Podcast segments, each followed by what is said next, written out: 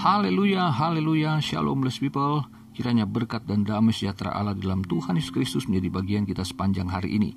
Jumpa lagi dengan saya Pendeta Theodorus dan Rumah Berkat, House of Blessing. Tema renungan kita hari ini adalah Setelah merdeka, hidup kok jadi susah. Firman Tuhan terambil dari kitab Keluaran pasal 13 ayat 17 dan 18. Yuk baca bersama firman Tuhan.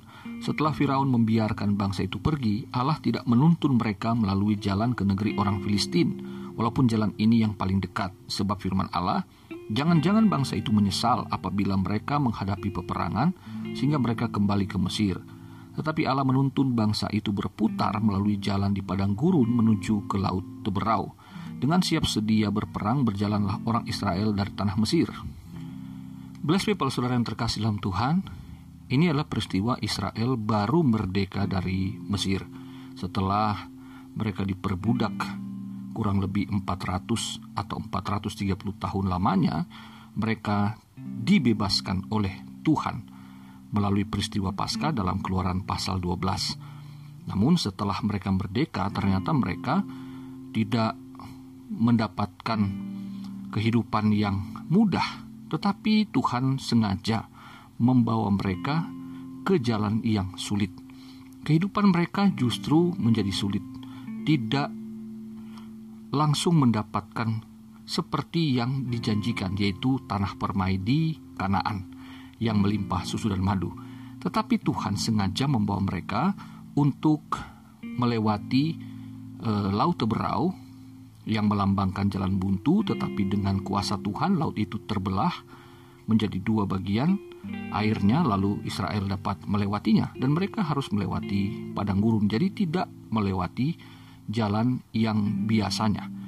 Nah ini menjadi pelajaran bagi saudara dan saya juga sebagai umat eh, orang Kristen ya maksud saya sebagai umat Tuhan di Perjanjian Baru bahwa setelah kita dimerdekakan dari kehidupan berdosa dari ancaman kematian kekal oleh karena kita beriman kepada Tuhan Yesus Kristus maka hidup kita sesungguhnya tidak seperti yang disampaikan oleh para penginjil teologi kemakmuran. Segala sesuatunya mudah, indah, gampang, banyak mujizat dan sebagainya yang wah-wah gitu ya. Itu bagi saya seperti mimpi di siang bolong lah sebetulnya, penginjilan seperti itu. Karena Alkitab tidak mengajarkan yang demikian. Saudara, apa yang terjadi di ayat pokok tadi sesungguhnya itu juga dapat kita lihat pada kehidupan kita sebagai orang Kristen di masa kini. Nah, mari kita melihat ya bagaimana setelah merdeka hidup kok menjadi sulit ya. Nah, ini semua tentu ada maksud Tuhan. Yang pertama, Saudara, supaya kita belajar dalam tuntunan Tuhan.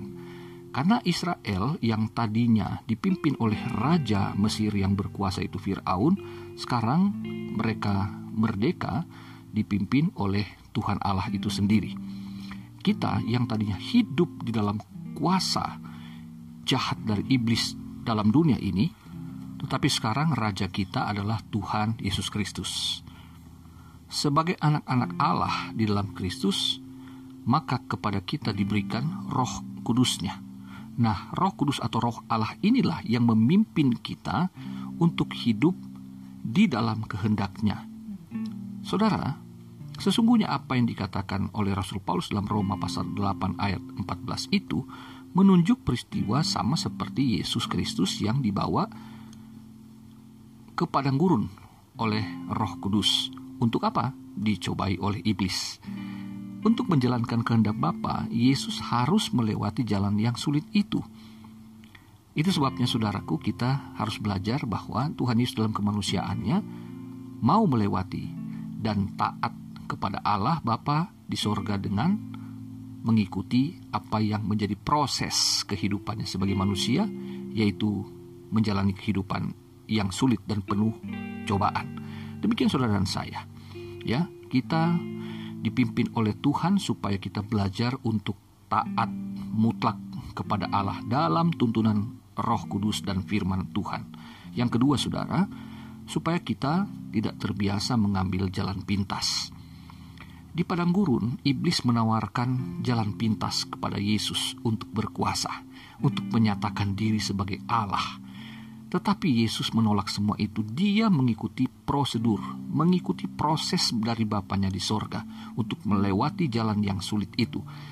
Dan Yesus berhasil menolak semua jalan pintas yang ditawarkan oleh iblis. Demikian dengan kita juga saudara. Ya sebagai orang Kristen tidak luput kita dari pencobaan. Namun Alkitab berkata pencobaan-pencobaan yang kita alami itu tidak melampaui batas kemampuan kita, batas kekuatan kita. Selalu ada batas saudaraku. Tetapi kita harus berfokus kepada Tuhan. Dalam pimpinan, dalam tuntunan Tuhan itu kita terbiasa untuk tidak mengambil jalan pintas demi memenuhi hasrat, demi memenuhi keinginan kehidupan, kebutuhan keseharian kita.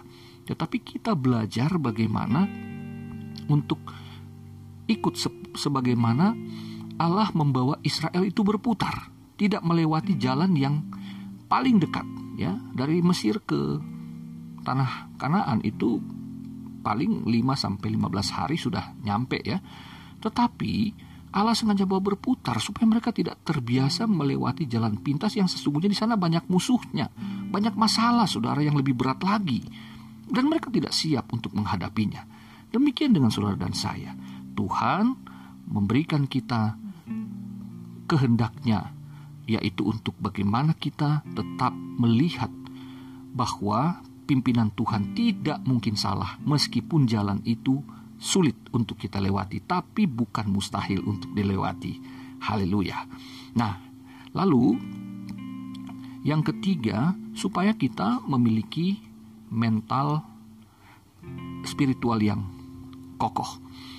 Karena untuk menghadapi pencobaan saudaraku diperlukan juga kekuatan iman, mental spiritual kita harus terbangun.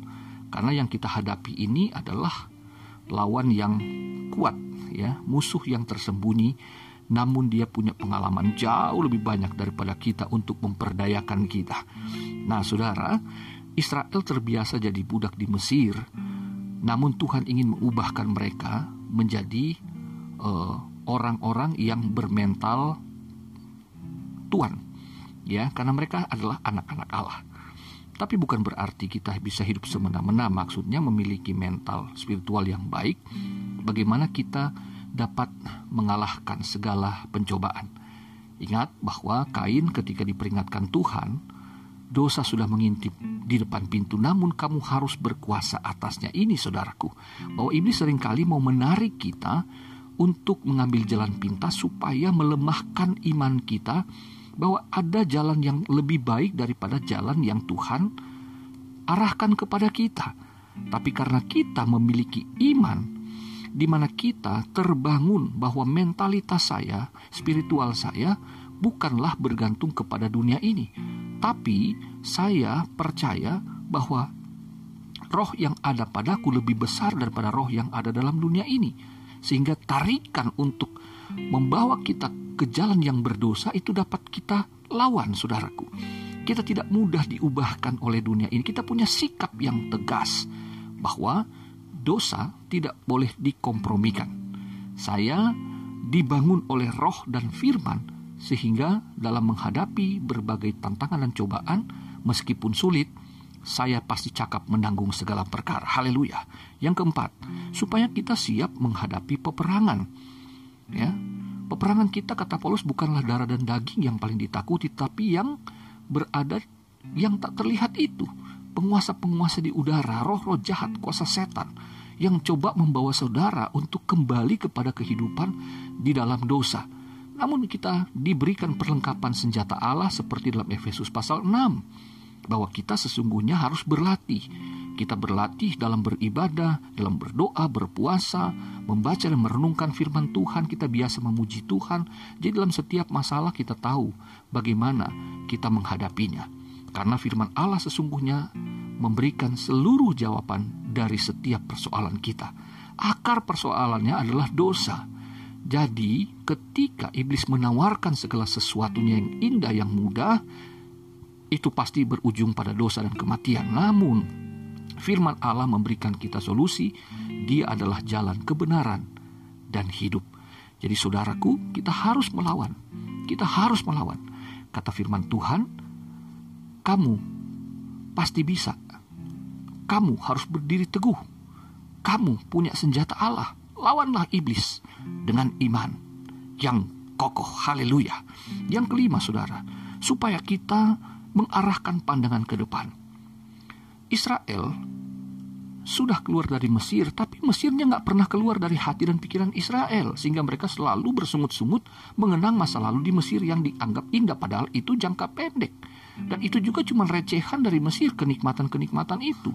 Tapi yang Allah tawarkan adalah kenikmatan jangka panjang dan yang kekal. Demikian dengan saudara saya, setelah kita dibebaskan dari dosa, sering kali memang dalam kesulitan-kesulitan kita, kita digoda untuk kembali kehidupan kepada kehidupan yang lama, yang nikmat, yang indah, yang mudah. Tetapi saudaraku ingat bahwa Paulus berkata, Aku melupakan apa yang di belakangku yang hebat, yang baik, reputasi, kekayaan, nama besar, dan sebagainya. Semua itu kutanggalkan, kuanggap sampah. Sekarang pandanganku kuarahkan kepada panggilan sorga, di mana aku akan mendapatkan mahkota kehidupan. Saudara dan saya, diizinkan Tuhan di dunia ini mengalami banyak hal yang yang tidak menyenangkan tapi kita harus berfokus ke depan. Penderitaan kita sementara, tapi kebahagiaan dan kesenangan yang abadi itulah yang akan menjadi bagian kita kata firman Tuhan. Mari kita lihat ke depan, jangan lihat ke belakang karena kalau kita melihat ke depan, Allah yang penuh damai sejahtera otomatis akan membuat kita akhirnya melupakan masa lalu yang di belakang karena tidak sebanding harganya. Haleluya. Yang keenam saudaraku supaya kita tidak mengharapkan uh, zona nyaman ya. Dengan melewati padang gurun ini Israel akan selalu berwaspada karena mereka nanti akan bertemu dengan musuh makanya mereka dilatih untuk berperang. Ada bangsa-bangsa yang berpengalaman yang kuat yang terbiasa berperang. Namun Israel disebutkan nantinya akan siap setelah mereka berlatih perang. Dan akhirnya mereka memenangkan eh, pertempuran-pertempuran itu bukan? Mereka akhirnya berhasil menduduki tanah Kanaan. Demikian dengan saudara dan saya. Ada saatnya kita harus keluar dari zona nyaman kita bahwa eh, kenikmatan-kenikmatan dunia itu merupakan kenyamanan.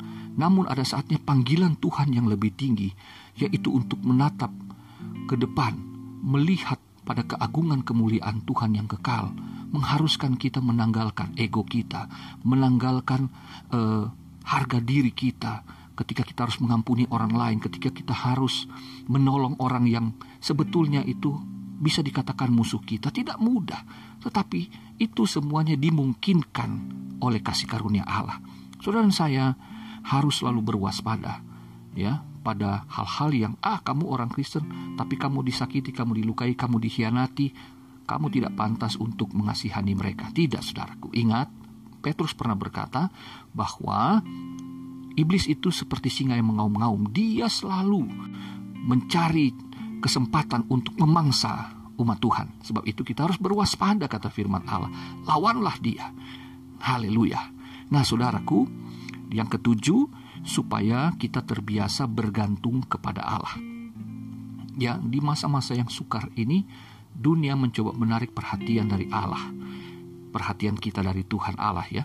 Tapi kita ingat bahwa kita punya firman, kita fokus kepada Tuhan dan kita berpegang pada janji-janji Tuhan. Tidak selalu ada mujizat, tidak selalu ada hal-hal yang ajaib yang terjadi, tapi kita mempercayai Tuhan seperti yang Yesus katakan, kamu tidak perlu khawatir karena Bapamu di sorga tahu apa yang menjadi kebutuhanmu. Yang penting cari dahulu kerajaan Allah kebenarannya dan yang lain-lainnya itu pasti tambahkan kepadamu. Jadi kita terbiasa bergantung kepada Allah karena kita terbiasa juga melakukan kebenaran Tuhan. Kita mempercayai Tuhan, mendahulukan Tuhan sebagai yang utama daripada yang lainnya. Maka kita akan melihat bahwa sesungguhnya segala sesuatu yang kita butuhkan, rohani, jiwa, dan jasmani, pasti tercukupi tepat pada waktunya. Dan saudaraku, di ayat 19, ayat 21 dan 22 ada kepastian di sini ya yang menjamin bahwa meskipun setelah merdeka harus mengalami kesulitan, namun ada dua hal yang pasti yang dicatat di sini bahwa Allah pasti mengindahkan atau mengunjungi dalam teks aslinya mengunjungi umat. Yang kedua, Tuhan Allah menyertai umatnya dengan tiang awan dan tiang api. Nah ini sesungguhnya menunjuk kepada roh kudus. Bukankah roh kudus sekarang berdiam dalam kita, memimpin, menuntun, mengarahkan kita kepada Tuhan dan kehendaknya? maka saudaraku, kita pasti aman dan kita akan baik-baik saja meskipun jalannya tidak kelihatan baik. Namun percayalah karena Tuhan beserta dengan saudara dan saya. Di hari-hari ini, meskipun sulit, tapi ingat kita sudah merdeka. Kita sudah diselamatkan dari kehidupan berdosa. Sekarang kita memiliki hidup yang kekal, tentu kehidupan yang sementara.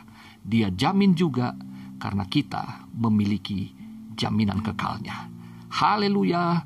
Selamat merayakan hari kemerdekaan Republik Indonesia yang ke-77. Tuhan Yesus mengasihimu, Tuhan Yesus mengasihi bangsa Indonesia. Tuhan memberkati kita semua. Haleluya, bless people.